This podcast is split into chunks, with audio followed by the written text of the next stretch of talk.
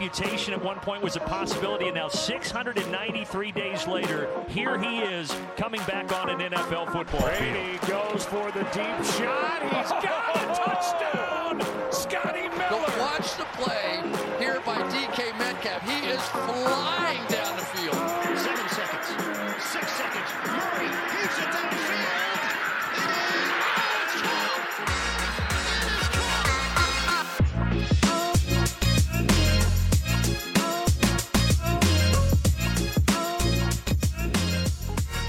Allemaal bij een nieuwe aflevering van de Sport Amerika NFL podcast. We zijn maandag 22 januari en dat wil maar één ding zeggen, namelijk dat het mooiste weekend in het NFL-seizoen er helaas op zit. Het Divisional Round Weekend. Vier prachtige wedstrijden.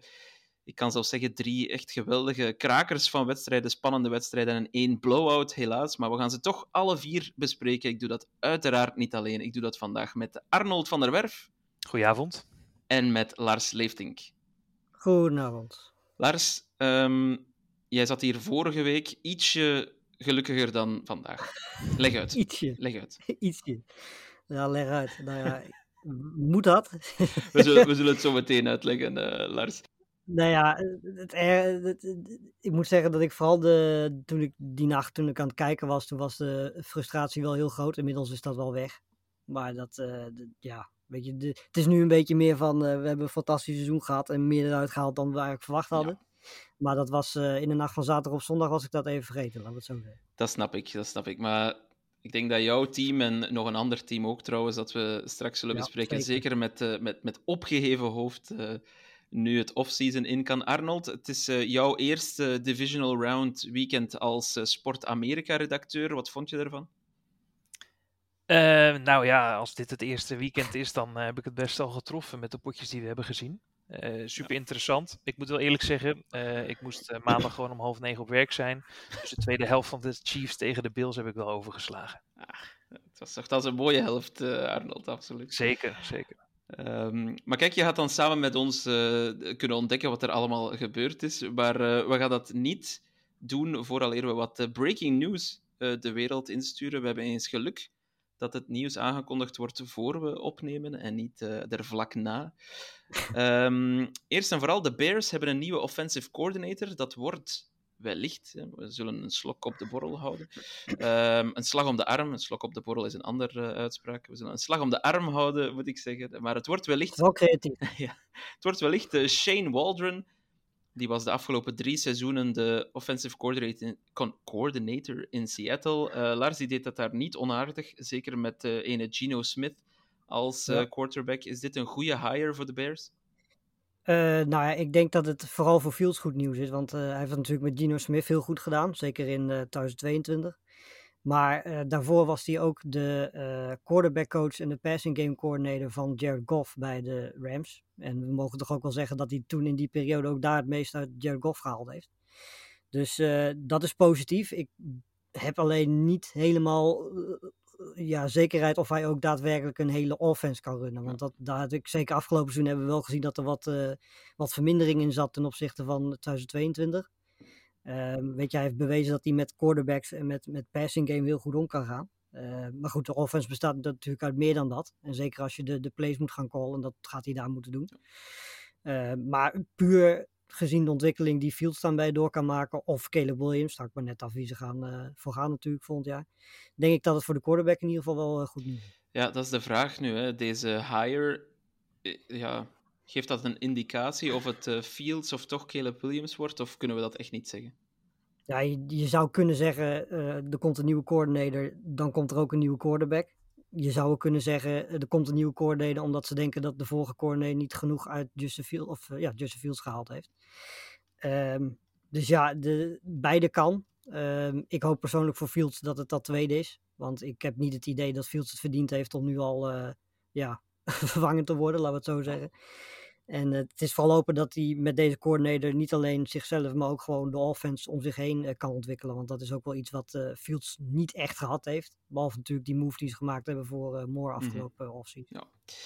Er is nog een coördinator die aangesteld is, namelijk Ryan Nielsen. Die wordt de nieuwe DC bij de Jaguars. Ehm, die zat dit seizoen bij de Atlanta Falcons, eh, Arnold. Dat was volgens mij zijn eerste seizoen pas. Dus die gaat eh, behoorlijk snel naar, eh, naar een nieuw team. Dat heeft wellicht te maken met het feit dat daar ook gewoon een nieuwe headcoach komt in Atlanta.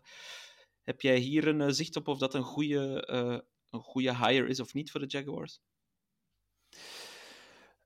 Ehm, nou ja, als je kijkt wat hij heeft bewerkstelligd bij de Falcons, volgens mij waren ze top 10 in de NFL op een aantal categorieën, eh, passing, third down, eh, defense. Dus nou, op zich wel, eh, wel goed. En ja, als er een team is dat het kan gebruiken, dan zijn het zeker wel de Jacks, want die zijn de laatste weken van het reguliere seizoen natuurlijk aardig ja, de afgrond ingekelderd.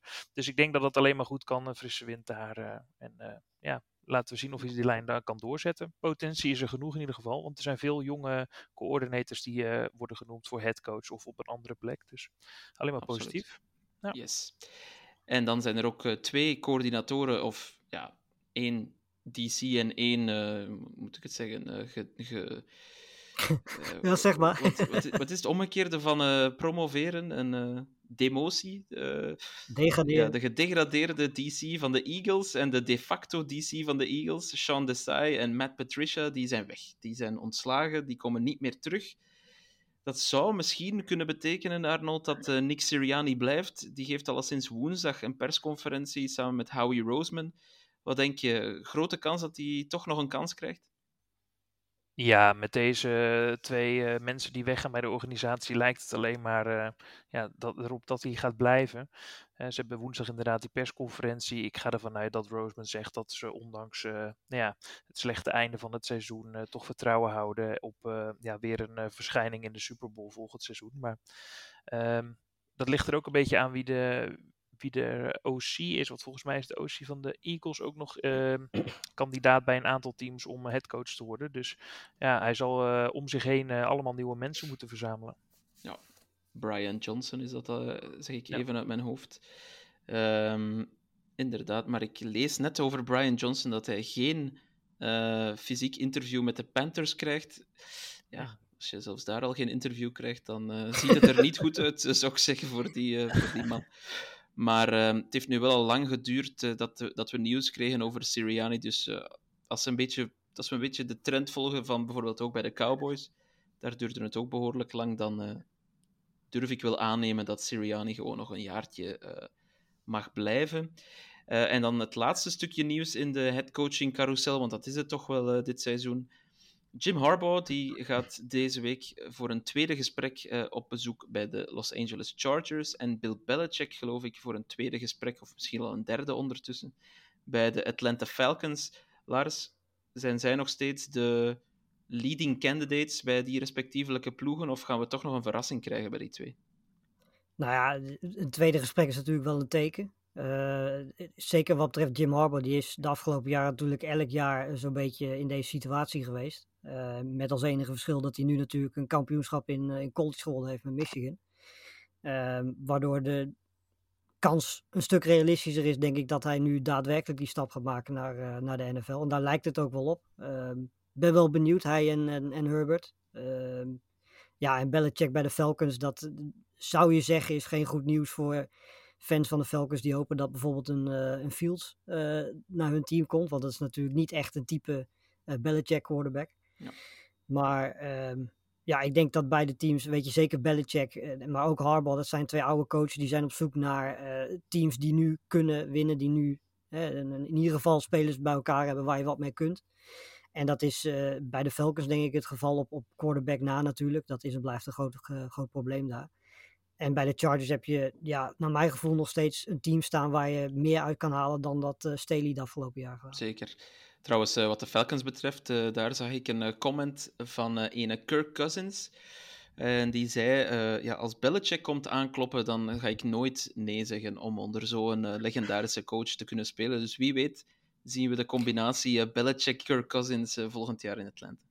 En toch vind ik volgens mij de, de ideale, als we naar free agency kijken, ideale quarterback voor Belichick, volgens mij eh, past Baker Mayfield daar ook wel perfect in. Ja, ja, maar die eh, zou wel eens een dik contract kunnen krijgen bij de Tampa Ja, Bay dat denk ik Buccaneers. eh, dus Ja. ik denk niet dat hij heel lang vrij gaat zijn, Baker Mayfield. Ik zag overigens een gerucht dat eh, Ron Rivera als eh, DC wordt genoemd bij de Eagles. dus dat zou ook wel eh, interessant zijn. Juist, inderdaad. eh, is, eh, het is van 2010 geleden dat hij nog eens defensive coordinator was. Ehm, toen bij de Chargers. Voor duidelijkheid, de- deze podcast wordt niet in 2010 opgenomen. Dit is gewoon 2024. Ja, het zou wel een bijzondere, bijzondere move zijn. eh. zeker omdat ik daarnaast ook nog eens een gerucht las dat, ehm, dat ze bij de Eagles nogal boos waren op Sirianni, dat hij op, op DC voor een eh, outside hire is gegaan, voor Sean Desai, die Ja. niet in de orga- organisatie zat en dat hij niemand gepromoveerd heeft. En dan zou hij nu dat opnieuw doen, dat lijkt mij een zeer eh, riskante move, alleszins. Nogal koppig. Ja, inderdaad. Maar zo ziet hij er ook uit. Eh, no, no judgment. No judgment. Ehm, laatste stukje nieuws. eh, dat gaat over een speler. Een beetje verrassend misschien, maar Zach Ertz. eh, toch geen onbekende. Tight end. eh, ja, eigenlijk heel het seizoen al eh, free agent. Die heeft een eh, contract getekend bij de Lions. Ehm, dus die gaat daar eh, nu op de prac- practice squad. Kans is reëel, denk ik, dat hij geactiveerd wordt voor de NFC Championship. Ja, zitten ze daar plots met Sam Laporta en Zach Ertz, eh, Lars. Goeie move, Ja. slechte move, eh, vreemde move. Ik, ik heb er niet echt eh, een oordeel over. Nou ja, ik, ik zat eh, Lions tegen de Bucks te kijken en eh, Laporta had op zich gewoon een prima wedstrijd. Maar die is natuurlijk niet 100% fit. Ehm, ik denk dat iemand als Zach Ertz, die is natuurlijk op zoek naar een kans om een kampioenschap te winnen. Dat kan die bij de Lions. Dus vanuit hem, vanuit zijn oogpunt is dat vrij logisch om deze move te maken. En wat de Lions, ik denk dat dit gewoon een soort van, ja, zekerheidje is voor het geval dat Laporta toch eh, zijn zijn blessure gaat verergeren. Want die is echt niet 100% fit. Die wil natuurlijk gewoon spelen, want het zijn de play-offs. Maar ja, je zag ook allerlei dingen om zijn, eh, onze lichaam hangen. Ja. eh, waardoor hij in ieder geval zeker wist dat hij kon spelen. Dus ik denk dat dit vooral een soort van zekerheidsaanwinst is. En ik denk dat Sackers, ja, je kunt volgens mij slechtere tight ends erbij hebben. Ondanks dat hij natuurlijk niet meer het niveau heeft van zijn tijd bij de, bij de Eagles en zo. Maar ja, ik denk een prima backup voor Laporta. Mocht er wat gebeuren, heb je nog steeds Ertz als eh achter de hand. Yes. Alright, laat ons naar het Divisional Round weekend gaan. En dat doen we traditioneel met het moment van het weekend. Arnold, waar heb jij voor gekozen? Ja, ik heb eigenlijk gekozen voor het moment van eh, de game tussen de Bills en de Chiefs voor mij. Ehm, het gaat dan om het moment dat eh, George Allen besluit van zijn eigen, wat is het, 13-yard lijn volgens mij, eh, de bal heel erg diep te gooien. 63 yards naar Stefan Dix. En, eh, ja, beter kun je een bal niet gooien. Ik heb ook even de frame stilgezet. Hij komt echt precies in zijn armen terecht. En eh, ja, op een of andere manier krijgt hij het voor elkaar. Wel een beetje onder druk natuurlijk van de verdediger van de Chiefs. Eh, maar om die bal ja, op de grond te laten vallen. Want doen ze dat niet, dan zijn ze meteen in de red zone. En dan ja, kan het verloop van die wedstrijd zomaar anders, anders zijn. En ja, je zou kunnen zeggen dat Dix meer de schuld heeft dan Tyler Bass, de kikker van, van, van de Bills. Goed, hij moet die bal nog steeds tussen de palen schieten. Maar ja, het was, eh, het was een opvallend moment. En ik denk heel erg zonde voor de Bills die, eh, die eh, lekker bezig waren. Ja. Die bal trouwens, hè, 63 yards, dat is de derde verste bal als we puur naar, eh, Ja. naar air yards kijken van het seizoen. Ik zei het daar straks in de appgroep al, heren, maar eh verblijd onze luisteraars met de naam van de quarterback die de verste bal dit seizoen gegooid heeft. Dat was eh, 67 yards. Lars, weet jij nog wie het was? Ja, absoluut. Ik vond het een eh, een wat verrassende naam, zeker gezien zijn eh, seizoen, zijn wisselvallige seizoen, zullen we het maar noemen, bij de Saints. Maar, Het eh, kan bijna op, alleen maar op Shahid zijn ook. ja, ja, sowieso. sowieso. Ehm, de enige deep threat bij de Saints. Ja. Ehm, Maar wat ik trouwens mooi vond bij die, bij die bal van eh Allen, is dat mensen onder die eh, video zeiden dat het een underthrow was van, eh, vanaf zover. ja, Ik zeker. denk van ja, ik weet niet wat jij verwacht van, eh, van een mens, maar veel verder dan dit kun je die bal bijna niet zo accuraat gooien. Ja, En dat hij dan een beetje in moet houden, ja, weet je, ik bedoel, volgens mij snappen mensen niet helemaal hoe moeilijk het is om überhaupt zo'n bal zo ver te gooien. Nou, als je zo'n goede bal gooit en hè, naar je beste receiver eigenlijk ook, dan mag je wel verwachten dat hij hem vangt. Dat zag je ook bij de Bucks eh, toen eh, Mayfield en Evans eh, die geweldige catch hadden. Maar daar komen we straks nog ongetwijfeld op. Ja, dan Ja. verwacht je gewoon dat het, eh, dat het in de pocket is. Maar, ja, zeker. Ik ben het eh, met je eens hoor, Arnold. Ik vind ook dat eh Diggs die bal eh, ja, had moeten vangen. Ehm, Lars, wat is jouw moment? Eh, niet het moment wat ik van tevoren heb gezegd. Want ik heb in één keer schiet mij iets te binnen. En dat is namelijk de, ja, eigenlijk de hele wedstrijd van, van Lamar Jackson. Ik kan me die wedstrijd, die, dat was de eerste wedstrijd van het weekend. Daar gaan we het zo meteen ook over hebben. Maar ehm, ja, de man is eigenlijk gedurende het seizoen alleen maar beter en beter geworden. En in de playoffs lijkt hij daar nog een schepje bovenop te doen. 252 yards in totaal, 100 rushing. 152 passing, 4 touchdowns uh, in totaal. Ja, dat was, uh, hij heeft eigenlijk zo'n beetje in, de, in zijn eentje die tweede helft het duel beslist. En dat was, ja, dat is in principe, hè, er is een discussie dit jaar over wie de MVP moet worden. Dat is in principe wel wat MVP's natuurlijk doen. Zeker. Zeker op het moment dat je in de playoffs speelt. Ja, ja, absoluut. speelde echt fenomenaal. Lamar Jackson en zoals gezegd, in de tweede helft is hij de man die het verschil maakte, zonder enige twijfel komen we zeker zo meteen op terug. Uh, mijn moment was, uh, gebeurde afgelopen nacht uh, tijdens Chiefs Bills. Het was niet op het veld, maar wel degelijk naast het veld. Iedereen zal het wel intussen al gezien hebben. Ene Jason Kelsey, de broer van, natuurlijk de broer van Travis Kelsey. Of zoals hij in de Vlaamse sportpers genoemd wordt, de schoonbroer van Taylor Swift. de schoonbroer. Um, ja, die, uh, die heeft de show gestolen. Die stond daar in bloot bovenlijf uh, in de box, dan weer uit de box, dan in de tribunes, bier te drinken, te roepen, uh, als een soort caveman. Ik vond het echt geweldig. Um, fantastisch om te zien. beleeft zijn beste dagen. heeft duidelijk de teleurstelling van de, van de Eagles al wel wat achter zich gelaten. Zat ook in de, in de tailgate van de Bills vooraf aan de wedstrijd, dus was was schitterend om te zien. En uh, Bob, onze goede vriend van de show, die had, uh, die had er ook een vraag over. Uh, Lars, ik zal ze naar jou doorspelen. Als Kelsey nu president van Amerika zou worden, zouden daarmee alle problemen in de wereld gelijk opgelost zijn? Ik, je zou het bijna gaan geloven, inderdaad. het is bijna te mooi om waar te zijn. Nee, het is, ik denk dat, dat er bijna niemand op deze planeet is die niet fan is van, van iemand als Kelsey. En ja, we hebben het er vorige week al over gehad. Hij heeft inmiddels gezegd dat hij nog niet of zelf een keuze gemaakt heeft of hij gaat stoppen. Um, maar als hij stopt, ja, weet je, het is een van de beste centers die wij gehad hebben. Niet alleen wat betreft prestaties en alles, maar ook gewoon qua persoonlijkheid. Ja. Denk ik dat hij uh, enorm veel waarde toegevoegd heeft aan, aan de NFL. Ook met de laatste jaren zijn podcast natuurlijk. En uh, ja, als je het voor elkaar krijgt om uh, Taylor Swift een nobody te maken, dan heb je toch iets heel erg goed voor elkaar gekregen, denk ik. Absoluut, absoluut. Alright, de game zelf dan. Arnold, ik ga bij jou beginnen. We beginnen met de wedstrijd van zaterdagavond. Half elf was die wedstrijd. De Houston Texans op bezoek bij de Ravens. We hadden vooraf wat vragen over uh, ja, hoe de Ravens uit de startblokken zouden komen. Ze hadden ja, toch al twee, eigenlijk drie weken geen competitive uh, football gespeeld. In de eerste helft was het ook nog vrij stroef, maar dan na de rust uh, liep het toch allemaal los. De Ravens wonnen uiteindelijk met 24, sorry, 34-10. Wat onthoudt jij van die wedstrijd vooral? Ja, Lars heeft het net eigenlijk al gezegd. Uh, Lamar Jackson, vooral de tweede helft. Eigenlijk vooral in het vierde kwart was hij echt uh, ja, fantastisch.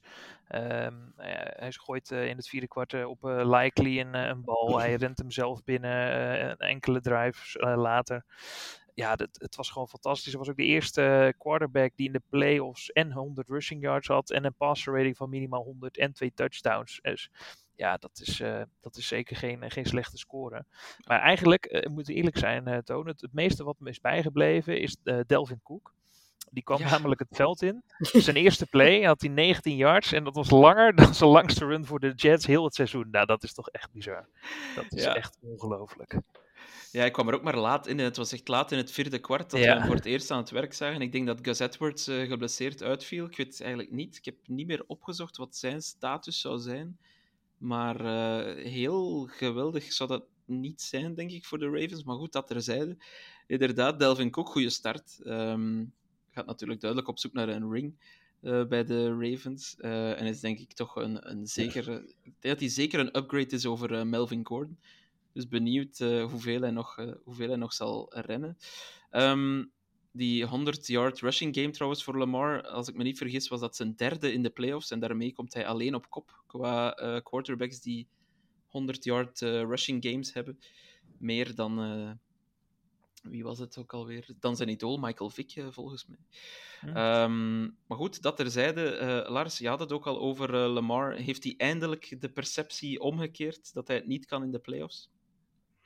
Nou ja, ik bedoel, dit was de eerste wedstrijd van, van de Ravens natuurlijk. Dus hij zal dat de komende twee wedstrijden ook nog moeten laten zien.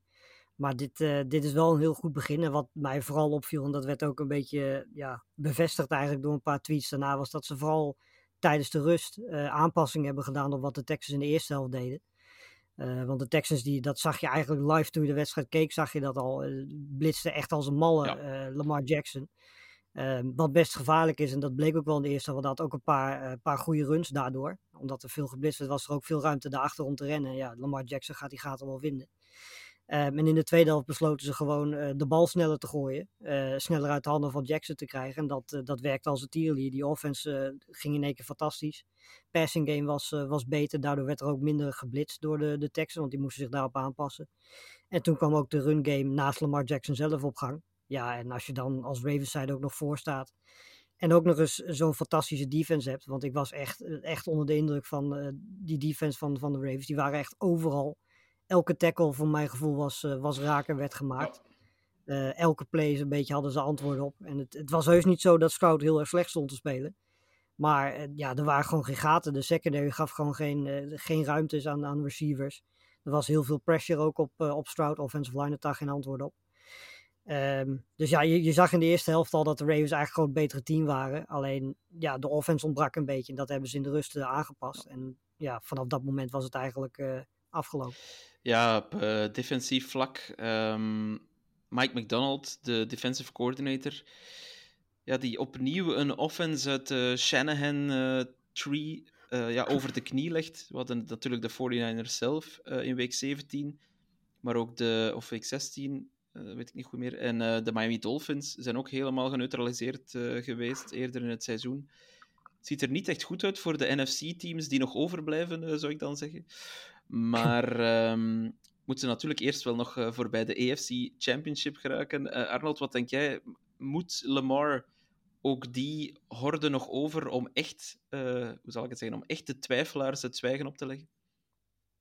Nee, ik denk dat hij dit seizoen dat wel heeft, eh, heeft bewezen. Ehm, niet zozeer alleen deze wedstrijd. Hè. Je ziet eigenlijk sinds, nou, wat is het, week, week 14 volgens mij, dat hij echt eh, flink, eh, flink ontwikkeld heeft qua spel. We weten allemaal wat hij kan. Alleen, ja, hij laat het nu ook echt zien. Ehm, natuurlijk zal hij erg opgebrand zijn om de Super Bowl eh, te bereiken. Want als we moeten niet vergeten, en dat is al een paar keer benoemd, maar voor het seizoen was het nog maar onzeker of hij terug zou komen in Baltimore. En eh, ja, met zijn nieuwe contract uiteindelijk toch eh, dit te bereiken, ja, dat is wel, is wel bijzonder. Ja. Mm. Inderdaad, trouwens, de Ravens die eindigen die wedstrijd met maar liefst 229 rushing yards. Dat kan toch wel... dat kan toch wel tellen, moet ik zeggen. Wat een, eh, wat een cijfers. Ehm, En Gus Edwards trouwens, die had iets aan zijn eh, linkerhand, eh, maar na de wedstrijd zei Harbaugh dat hij wel oké is. Dus ik denk dat hij gewoon kan spelen komende week. komende alright. week ja. Super. Ehm, offensief dan aan de Texans, zeiden Lars, je zei het al, CJ Stroud valt niet veel te verwijten. Waar lag het verder aan, denk je, dat het, ja, dat het er echt niet uitkwam? Hun enige touchdown van de wedstrijd was een, eh, een kick-off return touchdown, als ik het goed heb. Ja, ja, inderdaad. Nou ja, het was eigenlijk vooral één probleem. Dat, dat was hun offense heel erg eendimensionaal was. Want als je kijkt naar de rushing yards die ze gehad hebben in totaal, dat is 38. Ehm, dat is niet heel veel, want er zit er ook nog 9 scramble yards van Stroud bij. Dus eh, als je dat bij elkaar wegrekent, dan kom je op 30 eh, yards ongeveer uit rushing. Ehm, ja, dat is niet heel erg veel. Dat is ook in het voordeel van, van de Ravens. Eh, zeker als zij vervolgens in de tweede helft op voorsprong komen, dan weten zij ook dat de Texans eigenlijk wel moeten gooien. Ehm, en dan kun je als defense gewoon veel makkelijker inspelen op, op wat je tegenstander gaat doen. En eh ja, Slowick, die hebben we vorige week de hemel ingeprezen. Die had deze week geen antwoord. En dat is op zich geen schande voor iemand die, is, volgens mij is dit zijn eerste jaar als offensive coordinator. Ja. Dus voor iemand die net begonnen is, is dat geen schande. Dat kan een keer gebeuren. Ehm, zeker niet tegen, eh, zeker tegen zo'n defense en tegen zo'n eh, coaching staff. Maar dat was wel wat er gebeurde. Ik bedoel, en de, de, de offensive line van de Texans, die, die werd ook gewoon overmeesterd. Eh, heel veel pressure op Stroud. We zagen Stroud heel vaak moeten rennen. Eh, hebben we dit jaar eigenlijk ook zeker niet zo vaak gezien als dat we afgelopen weekend zagen. Dus ja, dat was al met al denk ik de reden waarom ze ehm, Ja. gewoon geen antwoord hadden. En dat was in de eerste helft niet zo. En in de tweede helft kwamen ze alleen nog maar dikker op achterstand. Ja, en dan heb je natuurlijk helemaal niks meer aan je run game. En dan moet je wel gepazen. Ja. Dat was alleen maar het voordeel van de Ravens. Ja, en ze hadden natuurlijk maar één echte receiver ook. hè. De Texans, eh laat ons dat niet vergeten. Nico Collins was eigenlijk ja, de enige echte playmaker eh, in, hun, in hun offense. Eh, dat, dat zou volgend jaar in principe beter moeten gaan als Tank Dell en Noah Brown terug zijn. En wie weet halen ze wel nog iemand in free agency eh, erbij. Trouwens, het is wel grappig dat je zegt, eh, de pressure inderdaad was eh, op Stroud. Maar de Ravens eindigen wel zonder, zonder één sack. Dat is eigenlijk een, bijzondere stat. Ja. Dus Stroud kan ook nog goed onder die druk uitkomen. Ehm, en nog één shout-out wil ik wel doen naar uh, Roquan Smith, want dat is wel echt een uh, kanjer van een speler, uh, moet ik zeggen. Die was overal Ja. op het veld. Uh, die gaan ze nog goed kunnen gebruiken. Ik heb trouwens nog wat goed nieuws ook voor uh, Ravens-fans. Het ziet er naar uit dat Marlon Humphrey, die was geblesseerd voor de wedstrijd, het ziet er naar uit dat die voor de AFC Championship wel uh, fit zal geraken. Dat is ook... ja, en Andrews ook, denk ik. Hè? Andrews traint ook mee, ja. Dus dat Ja. zijn best wel goede toevoegingen, denk ik, aan een, aan een goed team, aan een heel goed team. Arnold, de laatste vraag die ik daarover wil stellen. Het was eigenlijk de enige blowout in het divisional weekend hier van de Ravens. Zijn zij grote favoriet om de Super Bowl te halen, of is dat te veel uh, scorebordjournalistiek? Nee, ik denk dat ze zeker uh, grote, grote favoriet zijn. Uh, vooral als je kijkt hoe de, de 49ers de afgelopen weken aan, het spelen waren. Je zou kunnen zeggen dat de Chiefs een beetje uh, een, een, trend omhoog hebben. Nadat ze toch wel weer goed aan het spelen zijn. Maar als je van alle teams kijkt die nu nog over zijn. Ja, dan staan de Ravens wel echt als, als ultieme favoriet voor het winnen van de Super Bowl. Wat overigens nog wel meespeelde in deze wedstrijd, vond ik de penalties. Want uh, de Texans die hadden 11 penalties voor 70 yards of zo, ook al vroeg in de wedstrijd. Dus ja, dat hielp ook niet echt mee. Uh, dus dat zal de volgende keer ook beter moeten. Maar ja, ook al hadden ze die penalties niet gehad, de Ravens waren zo goed, uh, zoveel variatie in het spel. Ja, dat is, ziet er goed uit voor Baltimore. Laten we wel wezen, we hadden de Texans van tevoren natuurlijk nooit hier verwacht. Nee, zeker. Aan het begin van dit seizoen. Dus uh, dat is meer dan geslaagd seizoen voor hun, denk ik. Zeker, zeker. Laat ons, uh, dat, dat, goed dat je dat zegt, Lars. Uh, laat ons zeker proficiat wensen aan de Texans voor, voor echt een supergoed seizoen. En het smaakt naar meer, ja, zou ik zeggen. Ik wil me vooral al een beetje indekken voor de volgende wedstrijd. dat snap ik. Dat snap ik. Je maakt een perfect bruggetje, Lars. Uh, ja. Je maakt een perfect bruggetje naar de nachtwedstrijd van uh, zaterdag. Green Bay Packers. Uh, oh. Green Bay Packers op bezoek bij de San Francisco 49ers. Ik heb die wedstrijd uh, s ochtends pas teruggekeken. Um, nu moet ik zeggen, um, ja, dat was geen blowout. Lars, misschien is dat wel nog pijnlijker dan, uh, dan er met een blowout uit ja, te gaan uh, leggen. Het was uiteindelijk 21-24 in het voordeel ja. van de 49ers. Ja, dat was eigenlijk uh, tot en met het derde kwart.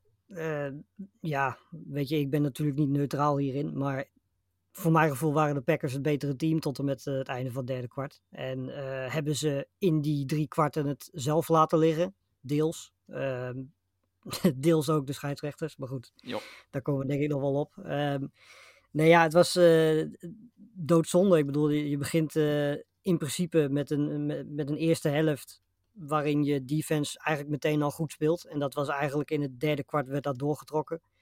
Um, alleen ja, je hebt in de eerste helft volgens mij bij elkaar drie drives uh, die heel lang en heel goed waren aanvallend gezien. En daar scoor je maar zes punten uit. Um, ja, dat is eigenlijk niet genoeg. Uh, zeker natuurlijk, hè, die derde was dan die, die fourth down die, nou ja, wat mij betreft, redelijk duidelijk gewoon een force, first down ja, was. Zeker. Uh, maar de scheidsrechters uh, vonden van niet. Dat kost je, nou, ik wou zeggen met zekerheid drie punten, maar met onze kikker weet je dat niet, weet je dat niet zeker. Maar dat kost je drie punten of zes, zeven punten. Um, ja, verder, de tweede helft, in het derde kwart krijg je ook kansen. Uh, om de score uit te breiden naar, naar een twee-possession game. Wat een heel ander gevoel is dan een één-possession game. Uh, voor je Niners stonden niet goed te spelen. Brock Purdy stond niet goed te spelen. Die gooide echt een paar hele slechte ballen. Eerste helft had er ook echt gewoon meteen het eerste kwart al een pick six moeten zijn. Zoals we dat ook tegen de Cowboys uh, zagen van de Packers. Maar dat was eigenlijk een beetje het verhaal van de, van de wedstrijd. Wat ze vorige week tegen de Cowboys wel deden. De fouten afstraffen en zelf dodelijk effectief zijn. Dat was in, in deze wedstrijd niet het geval. En de hele tijd dat, dat tweette ik ook, had ik het idee dat de 49ers dat uiteindelijk af zouden straffen.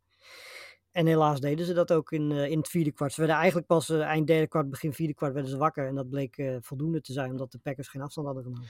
Ja, één echt goede drive. Hè. De, onthoud ik eigenlijk van de, van de 49ers helemaal op het einde van de ja. wedstrijd. Um, ja, Arnold, de Green Bay Packers schieten vooral zichzelf in de voet. Vond jij dat ook? Want Brock Purdy, ook naar mijn gevoel, zag er eigenlijk heel wankel uit. Heel twijfelachtig. Ja, heel de wedstrijd lang uh, leek het er niet op dat, uh, hè, dat, dat hij echt het verschil zou gaan maken. Aan de andere kant zie je dan wel weer die laatste drive waarin hij dit dan toch weer wel laat zien. Natuurlijk is dat maar één heel klein deel van de wedstrijd. Maar ja, wedstrijden win je in het vierde kwart, hoe cliché dat ook is. Dus ja, als je op het einde dat toch ze kan uh, zorgen dat ze nog in, uh, in, in positie komen om te scoren. Ja, dan, dan doe je het toch wel goed. Dus natuurlijk is er kritiek, hè, want dat was echt niet goed. Uh, maar ja, die laatste drive maakt volgens mij veel goed, omdat ze daar mede daardoor ook winnen. Ook al komt het meeste krediet daar natuurlijk voor op de rekening van Christian McCaffrey. Want man, man, man, wat blijft die goed zeg. Ja, ja over die man gesproken, CMC scoort opnieuw twee touchdowns. Uh, ik zag daar straks een statistiek uh, voorbij komen. Hij heeft nu 36 touchdowns gescoord in 31 duels voor de 49ers. Dat is echt een absurde statistiek. Um, als er één iemand bij de 49ers MVP moet zijn, is het toch wel CMC zeker. Uh, maar goed, dat is een andere discussie. Um, maar hij is het toch wel weer hè, die, die het op zijn schouders neemt. Want Debo Samuel die, viel vroeg in de wedstrijd uit met een schouderblessure. Het lijkt ook ja. nog helemaal niet zeker dat hij beschikbaar zal zijn uh, komende zondag. Maar ja, Lars, het lijkt wel alsof uh, Brock Purdy, wanneer uh, Samuel er niet bij is, dat hij 50% van zijn krachten verliest. Ja, wat het meest opvallende was, was dat Purdy eigenlijk niet eens zo heel veel onder druk gezet werd. Want die, die offensive lines van de 49ers, die speelden echt wel heel erg goed. ja, Packers kregen gewoon qua pass rush helemaal niks voor elkaar. En het was ook niet zo dat de receivers niet vrij stonden, want er waren echt wel ballen die die gewoon als hij die goed gooit, dan zijn dat gewoon completions. Alleen hij had het gewoon totaal niet. Er was geen, geen accuracy, de connectie was er niet. En uh, ja, dat wordt natuurlijk niet beter als dan vervolgens uh, die Samuel uitvalt. Uh, het is trouwens 50-50 of hij komend ja. weekend gaat spelen. Dat zeggen ze in ieder geval. Dus ja, maar uiteindelijk, het is, het is wat, wat we net zeggen. In het vierde kwart staat hij er dan wel met zo'n drive. En dan, ja, aan de andere kant staat er een hele onervaren quarterback in, in Jordan Love. Die gooit natuurlijk in het derde kwart al een, een interceptie. Uh, maar vooral die in het vierde kwart is gewoon een hele domme play. Dat hij eigenlijk gewoon kan rennen out of bounds. Uh, volgens mij was dat second of third down. Ik weet niet zeker meer, maar een van de twee in ieder geval. Um, en het was zelfs op first down. Ja.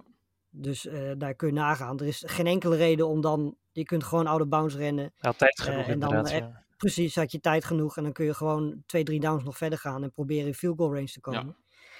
In plaats daarvan uh, ja, komt dan toch de, de, de jonge quarterback, de, de, de rookie quarterback in hem naar boven, die we ook uh, kennen van, van zijn periode bij Utah State in college. Dat hij gewoon maar een play wil maken en die bal dwars door het midden heen gooit, uh, waar eigenlijk geen ruimte is. Het is jammer dat ja, zijn enige echte slechte paas, want hij was, verder was hij gewoon weer meer dan prima, zeker in, in de eerste helft. Ja.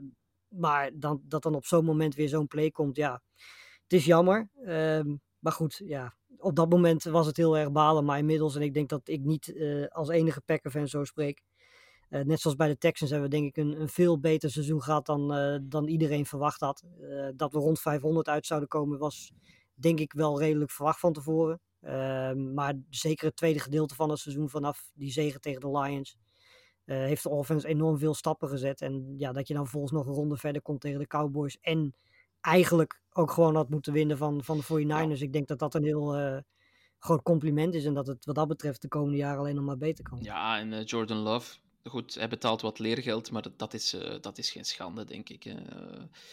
Nee. Ik denk dat niemand verwacht had dat hij meteen naar de Super Bowl zou gaan. Trouwens, dat was voor Aaron Rodgers ook niet het geval toen hij starter was. Precies. Dus Geef... En hij heeft zich nu uh, officieel al wel een beetje als uh, Packers quarterback uh, Zeker. aangewezen. Want ik bedoel, een fantastisch regulier seizoen en dan één rondje verder ons hoop geven. En dan is vervolgens alles weg. Dus wat dat betreft prima opvolger.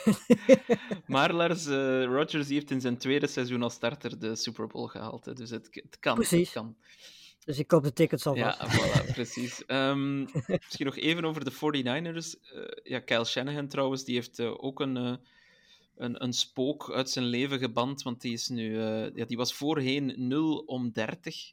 0 om 30, wanneer hij in het vierde kwart meer dan 5 punten achter stond. En dat is nu 1 om 30 geworden. Dus dat, dat heeft hij toch een beetje kunnen, kunnen, kunnen wegzetten. Maar de 49ers, ja aan wat moeten we dit nu toeschrijven? Moeten we toch wat gaan beginnen twijfelen, uh, Arnold? Of was het toch eerder ja, roestigheid na twee weken zonder uh, voetbal? Terwijl de Ravens dat niet echt hadden. Ik weet niet. Ik weet niet wat ik er moet van denken. Ja, en dan sommigen zeggen ook nog dat het weer natuurlijk niet mee zat uh, in, in San Francisco. Ik denk ja, weet je, als de offense zo presteert, het geluk wat ze daar hebben is dat ze een geweldige defense hebben. Want ook als je kijkt naar, uh, naar Drake Greenlaw bijvoorbeeld met zijn twee intercepties, ook als die laatste op het einde. En schrok iedereen zich een hoedje, want ze dachten, ga nou alsjeblieft liggen. Maar hij dacht, uh, ik wil toch ja, six gaan. Dus uh, dat was nog een gevaarlijke play. Nee ja, maar het zegt genoeg als, als je quarterback zo speelt en je, en je weet alsnog te winnen van, van een, een leuk spelende Green Bay Packers. Ja, volgens mij doe je dan mee. Uh, aan de andere kant, als je daarvoor dus naar de, de Ravens hebt gekeken en je ziet nu deze 49ers en ze, stel ze winnen komend weekend ook allebei, ja, dan, dan zullen weinig mensen zeggen dat de 49ers die game gaan winnen. Um, dus ja, het is, maar, het is maar even afwachten. Het weer schijnt volgende week beter te zijn daar, dus laten we voor Brock Purdy hopen dat dat dan, dan goed gezind is en dat hij wat beter weet te spelen.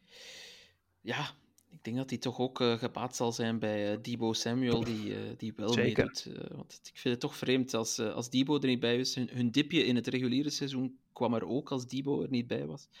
Dus het, is, het is toch opvallend.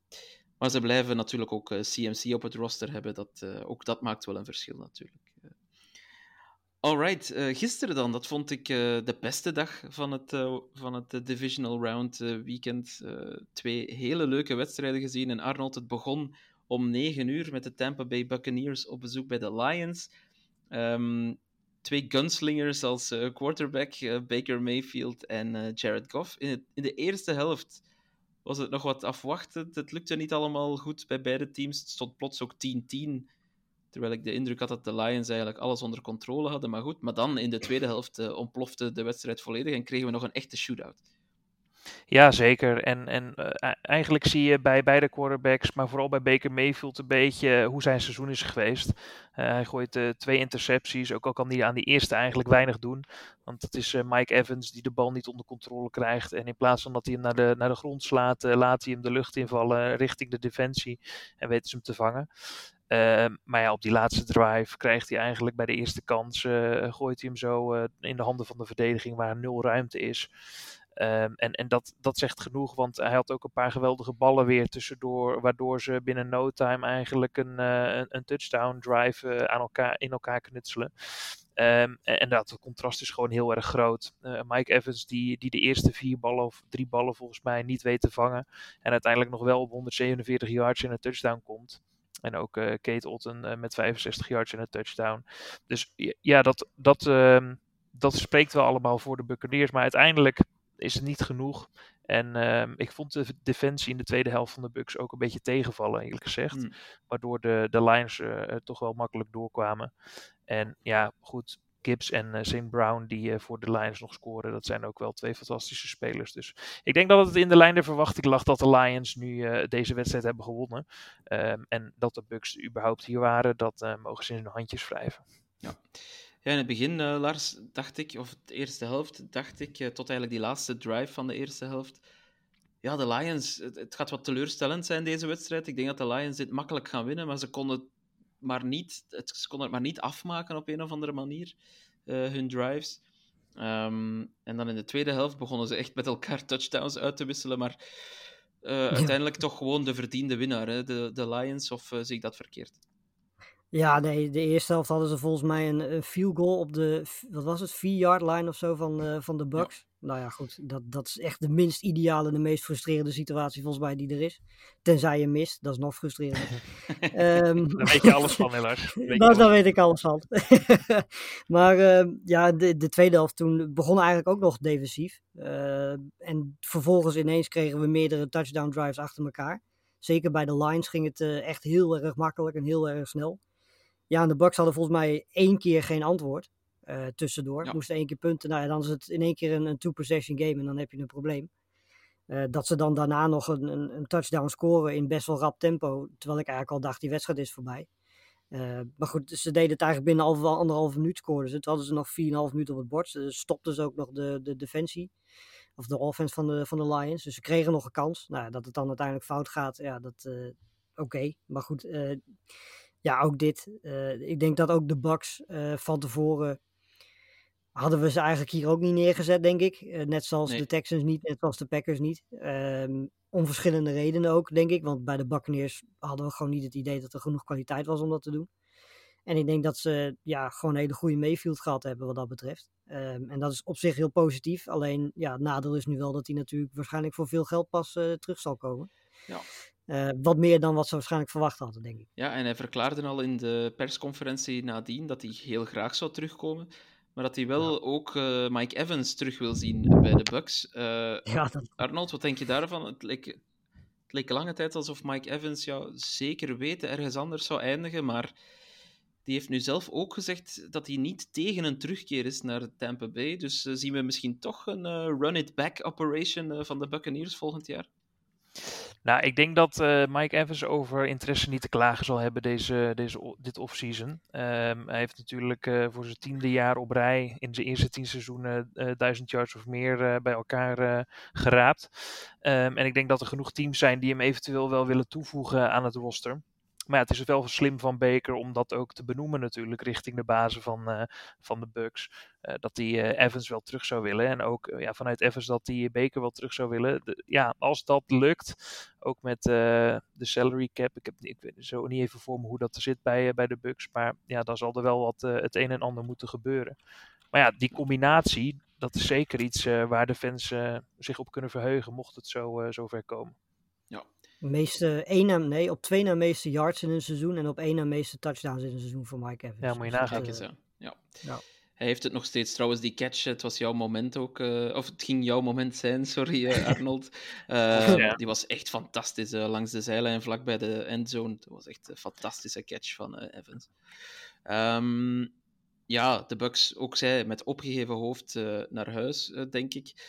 Maar dan de Lions. Eh, Lars, ik weet dat je het er niet heel graag over hebt, maar ik wil het toch, ik wil het toch nog één keer eh, erover hebben het is toch wel geschiedenis wat ze schrijven. Hè? Je hebt eh, hun eerste NFC title game of hun eerste NFC championship game sinds 1992.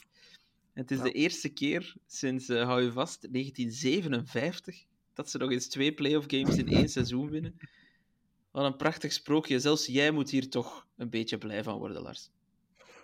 Nou, ik moet heel eerlijk zeggen, zeker de, de, de sfeer.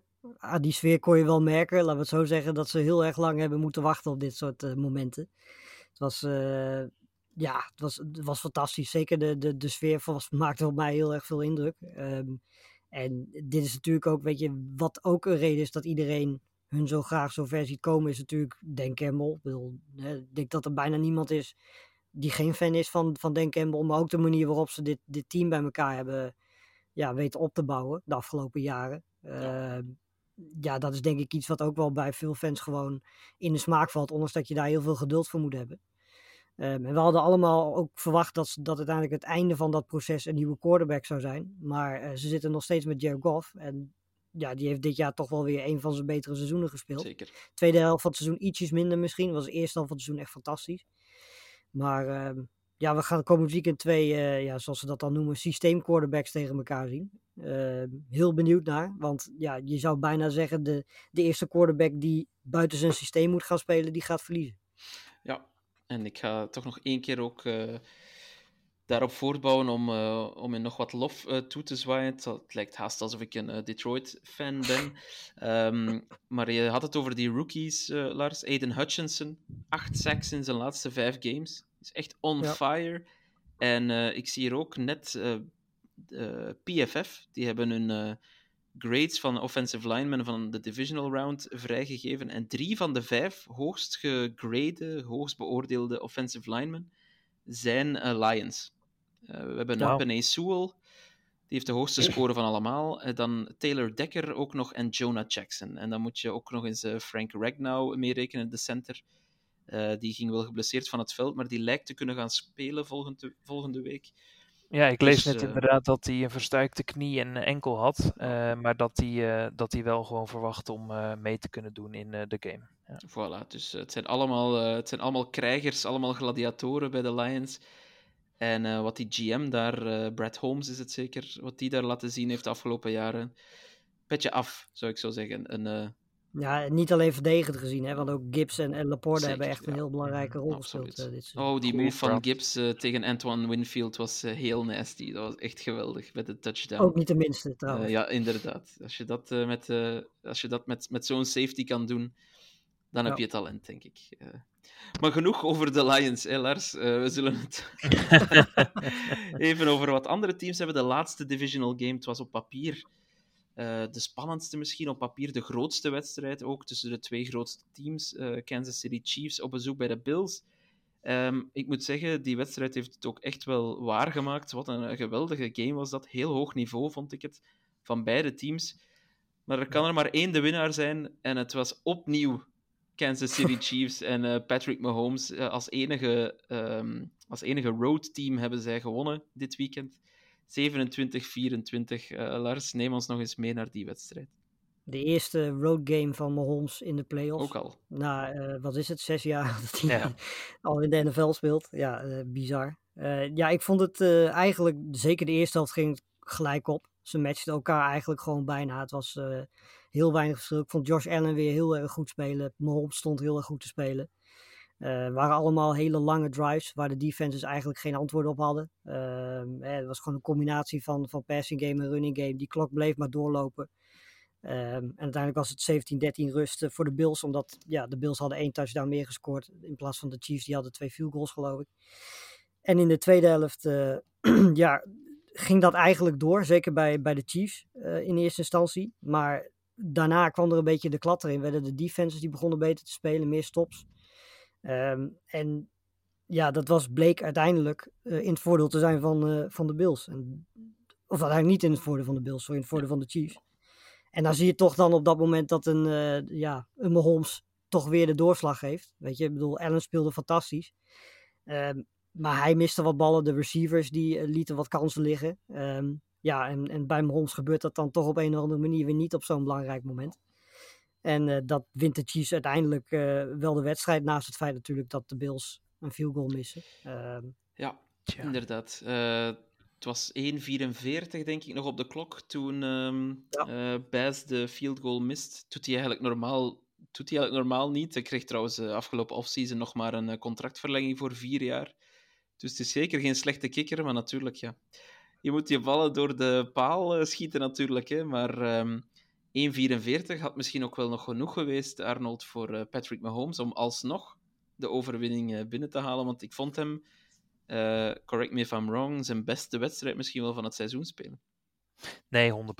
En, en, en wat ik wilde zeggen inderdaad, is eh, die 1.44 in de vorm waarin hij nu stond te spelen. Eh, hij vond ook weer de connectie met Kelsey, hè, want ze hebben nu samen volgens mij het record van eh Gronkowski en Brady verbroken in de meeste touchdowns in de playoffs. Als ik me niet vergis, 16 om 15. Ja, inderdaad. Eh, ja, als je dat ook hoort, een bizar record natuurlijk. En ehm, ik vond Kelsey ook weer eh, ja, goed, eh, goed in het spel betrokken. Hij vangt vijf ballen voor 75 yard, twee touchdowns. Ja, het is eigenlijk weer een beetje als vanouds, zou je bijna zeggen, bij, eh, bij de Chiefs. En dat is toch wel gevaarlijk eh, richting eh, komend weekend. Want ja, ze kunnen zomaar weer naar, naar de Super Bowl gaan. Ja, Pacheco was ook fantastisch Zeker. trouwens. 6,5 eh, 6,5 yards per carry. Ja. 97 yards en een touchdown na 15 eh, attempts. En ook nog eens de meest unieke runstijl in de NFL. Wat wil je nog ja meer? inderdaad. eh, de man die boos is op de aarde, waar hij op. Ja. Ehm, we moeten het toch wel misschien even over de, de elephant in the room hebben, namelijk de defense van de Bills. Eh, Daar, mist, ja, daar, daar waren heel wat starters niet bij. Hoeveel heeft dat meegespeeld, Lars? Is, is dit Ja. nu... Want ja, we zeggen nu de beste offensive game misschien van de Chiefs dit seizoen, toch tegen een goed team. Ja. Is dat eh, toeval? Nee, hoe zal ik het zeggen? Is dat net op tijd in vorm, of hebben ze echt geluk dat de Buffalo Bills veel starters misten op defense? Nou ja, ik, weet je, ik denk dat uh, we ten eerste al de afgelopen jaren hebben gezien dat de Chiefs in de playoffs toch altijd een schepje erbovenop kunnen doen. Dus ik denk dat niemand daar verbaasd over is. Maar als je van tevoren die lijst zag van de injury report van de Bills, dan ja, kun je toch niet anders denken dan, dan denken dat dat impact heeft gehad. En dat zag je zeker in, uh, in de eerste helft. Weet je, bedoel, volgens mij hebben ze, vergis me, misschien vergis ik me, maar volgens mij geen enkele stop gehad in de eerste helft. Alleen maar field goals en, en, touchdowns in de eerste al weggegeven. Nou, de tweede helft wordt het dan iets beter, hè, omdat ze iets meer antwoorden krijgen. Maar eh, zeker die eerste helft konden de Chiefs gewoon, gewoon doen wat ze willen. En normaal gesproken tegen een Bills defense die, die gewoon volledig fit is, ja, kun je dat niet zo makkelijk doen. Zeker aan het begin van dit jaar hadden we het uh, over de Bills defense als de beste in, in de NFL. En dat is gedurende het seizoen wat minder geworden, deels ook vanwege blessures. En ja, of ze dat uiteindelijk deze wedstrijd de kop gekost heeft, ik denk het wel. Ja. Want ik denk dat uh, als je fit bent, dan ja, presteer je zeker in die eerste helft gewoon veel beter dan wat ze nu gedaan hebben. Misschien, nog één ding, misschien nog één ding over, uh, over de Chiefs. Ja, Patrick Mahomes. Wat moeten we er nog over zeggen? Verloor nog nooit in zijn carrière in de divisional round. Ik vind, dat is echt absurd. Heeft nu al uh, 13 playoff wins, denk ik, als ik me niet vergis. Um, ja, de man is amper 28. Die is echt wel uh, op weg om, om, uh, ja, om alle records te breken, denk ik. Um, misschien nog even. Ik ben vooral heel erg, heel erg benieuwd wat hij gaat doen als hij een keer de playoffs niet haalt. Nee. Of hij dan van gekheid nog weet wat hij moet doen. Kan dat? Kan dat wel? ja, inderdaad. Is het fysiek mogelijk dat Patrick Mahomes de playoffs niet haalt? als hij geblesseerd raakt misschien. Maar dat wens ik hem niet toe, want ik moet zeggen, als hij speelt zoals hij gisteren speelt, is hij echt een lust voor het oog. Hij, hij gooit daar ook weer een fantastische bal on the run, zo wat half, half uit balans. niemand kan dat, volgens mij, wat hij doet, fysiek. Dus um, ja, fantastisch. Als hij zo speelt, ja, meer van dit zou ik zeggen. Um, misschien nog één ding over de Bills, Arnold. Um, ja, er zijn nu wel wat twijfels over de toekomst natuurlijk. Hè. Ze hebben een hele hoop free agents. Ze hebben ook een uh, cap-situatie die niet geweldig is, mede door het contract van Josh Allen. Je zou kunnen zeggen dat het nu of nooit was misschien, maar is dat wel zo als je Josh Allen als quarterback hebt? Uh, wat denk jij? Nou, wat, wat één ding is zeker, ze zullen toch iets meer in de receivers moeten doen. Want uh, uh, ik heb die statistiek even niet voor me. Maar als je zag het verschil tussen uh, Stefan Diggs en Shakir in aantal ballen. Oh ja, ik heb hem hier zo. In de laatste tien wedstrijden had Khalil Shakir 462 yards ten opzichte van 422 voor Diggs. En dat deed Shakir in 37 targets en Diggs in 80. Um, dus je zou eigenlijk in die zin kunnen zeggen dat hij voorbij is gestreven door Shakir als uh, wide receiver one. Ja, en het is een beetje het verhaal van de laatste jaren dat hij toch wat minder sowieso die connectie met Allen lijkt te hebben. ja, die cruciale bal natuurlijk laat vallen. En ja, het is wel echt uh, de speler bij de Bills om uh, in de gaten te houden. Als hij weggaat, dat levert ze in ieder geval veel cap space weer op. En daar ja, kun je wel weer andere receivers voor bijhalen. Dus ja, ik ben heel erg benieuwd. Ja, ik denk altijd, zolang je een franchise quarterback hebt, of een, echt een top 5 quarterback in de NFL, dan is je window denk ik altijd open op een of andere manier. Um, maar we zullen het zien. Ik denk dat de Bills er misschien wel uh, wat anders zouden kunnen uitzien uh, volgend seizoen. Zeker. Alright, we hebben alle games gehad, maar we kunnen ook al heel kort vooruitblikken op uh, Championship Sunday. Komende zondag de NFC en AFC Championships. En goed nieuws zou ik zeggen voor Nederlandse en Vlaamse fans. Want de wedstrijd van 9 uur komende zondag is Chiefs at Ravens toch degene waar ik het meest naar uitkijk, uh, die komt dan op het leukste uur. En dan om half uh, één, uh, na middernacht dus, hebben we ook nog natuurlijk de Lions op bezoek bij de 49ers. En we weten al wie de scheidsrechters zullen worden voor die game. Jawel, ik geef het mee. Bob, Bob liet, het ons, liet het ons weten en vroeg ons wat we ervan vonden. Dus Sean Smith oh. wordt de referee voor Chiefs Ravens en Cleet Blakeman die voor de Lions uh, tegen de 49ers. Nu, heren, ik heb het al even opgezocht. Op uh, eh, nflpenalties.com kan je zien hoe beide heren presteren wat uh, betreft vlagjes gooien dit seizoen. Um, die site heeft de NFL vast niet zelf gemaakt. nee, ik denk het ook niet, eerlijk gezegd. maar het valt me nogal mee als ik naar de cijfers kijk. Sean Smith die staat nu op een 1, 2, 3, 4, achtste plaats wat betreft aantal penalty flags geworpen, 195. Uh, en als je dat even omrekent eh, per wedstrijd, is dat ongeveer 12 vlagjes per wedstrijd. En wat hier ook nog opvalt, is ehm 6,5 daarvan ongeveer zijn voor de thuisploeg en 5,7 voor eh, de uitploeg. Dat ligt dus vrij in balans, maar misschien is er dus wel een licht voordeel voor de Ravens als we daar iets mogen inzien. Eh Sean Smith. En dan hebben we ook nog Cleet Blakeman. En daar is het eigenlijk nog beter. Die gooit nog minder penalties, 175 dit seizoen. En eh, bij hem zijn de thuis- en uitpenalties volledig in balans. Hè. Vijf ongeveer voor de thuisploeg, vijf voor de uitploeg. En dat is toch hoe ik het wil zien. Eh, ik weet niet hoe het met jullie is, maar ik heb liever geen thuisfluiter, zoals ze dat dan zeggen. Want, Maar eh, volgens mij hoeven we, hoeven we nu zaterdag geen preview-podcast meer op te nemen. Want het is volgens mij redelijk duidelijk. Dat wordt, eh, dat wordt overtime en een overwinning van. eh, ik, had ook nog even, ik had ook nog even de records van de teams opgezocht. En als je kijkt naar Cleet Blakeman, dan zijn de 49ers 4-0 als hij eh, Ah. een eh, wedstrijd, scha- eh, ja, als hij daar is. En de Lions 1 en 5. oef, oef, Goed. oef. Nu zijn die de laatste jaren natuurlijk niet best. En bij de Ravens en de Chiefs valt het mee. Eh, de Chiefs zijn 5 en 2 en de Ravens zijn 6 en 1 met Sean Smith. Dus ja, koffiedik kijken. Ja, place your bets, eh, zou ik zeggen, op basis van eh, deze informatie. We hebben niets meer nodig, denk ik, qua, qua preview. eh. maar eh, leuke vraag wel. Ik denk, het is, het is niet, niet zo slecht, denk ik, om de referees soms, soms eens onder een vergrootglas te leggen. Maar op het eerste gezicht zou ik zeggen dat ik misschien wel met een gerust gemoed naar deze wedstrijden kan uitkijken wat betreft de penalties. Ehm, voor de rest denk ik dat we best nog wel wat tijd zullen spenderen, heren, aan het eh, effectief voorbeschouwen van deze twee wedstrijden. Ik zou zeggen, we kunnen dat ergens rond zaterdag eh, verwachten, dat we eh, Championship Weekend uitgebreid gaan voorbeschouwen. Is er verder nog iets, Lars, dat jij kwijt wil? Nou ja, er schoot me net nog iets te binnen van, ik weet niet meer welke wedstrijd dat was. Maar volgens mij was dat Packers tegen de 49ers, die scheidsrechter die twee keer faalt in het pakken van zijn vlag. Om vervolgens eh, de derde keer per ongeluk die vlag alsnog te gooien. Dat was volgens mij op die, op die zwalbe van, eh, volgens mij was dat Owens was dat. Dat hij geduwd werd door, eh, door Trent Williams en vervolgens vijf kilometer ergens anders terecht kwam. Die, die scheidsrechter wou twee keer de vlag gooien, dat lukte niet. En vervolgens gaat hij per ongeluk wel uit zijn zak vallen. Nou ja, goed. Dat, dat schoot me in één keer net te binnen als we toen het over scheidsrechters hadden. Dat vond ik wel een vrij, vrij hilarisch moment. Het zijn ook maar, En verder, eh, ja zeg het maar. zijn ook maar mensen, hè, Lars? Het zijn, Het zijn ook wel mensen, ja.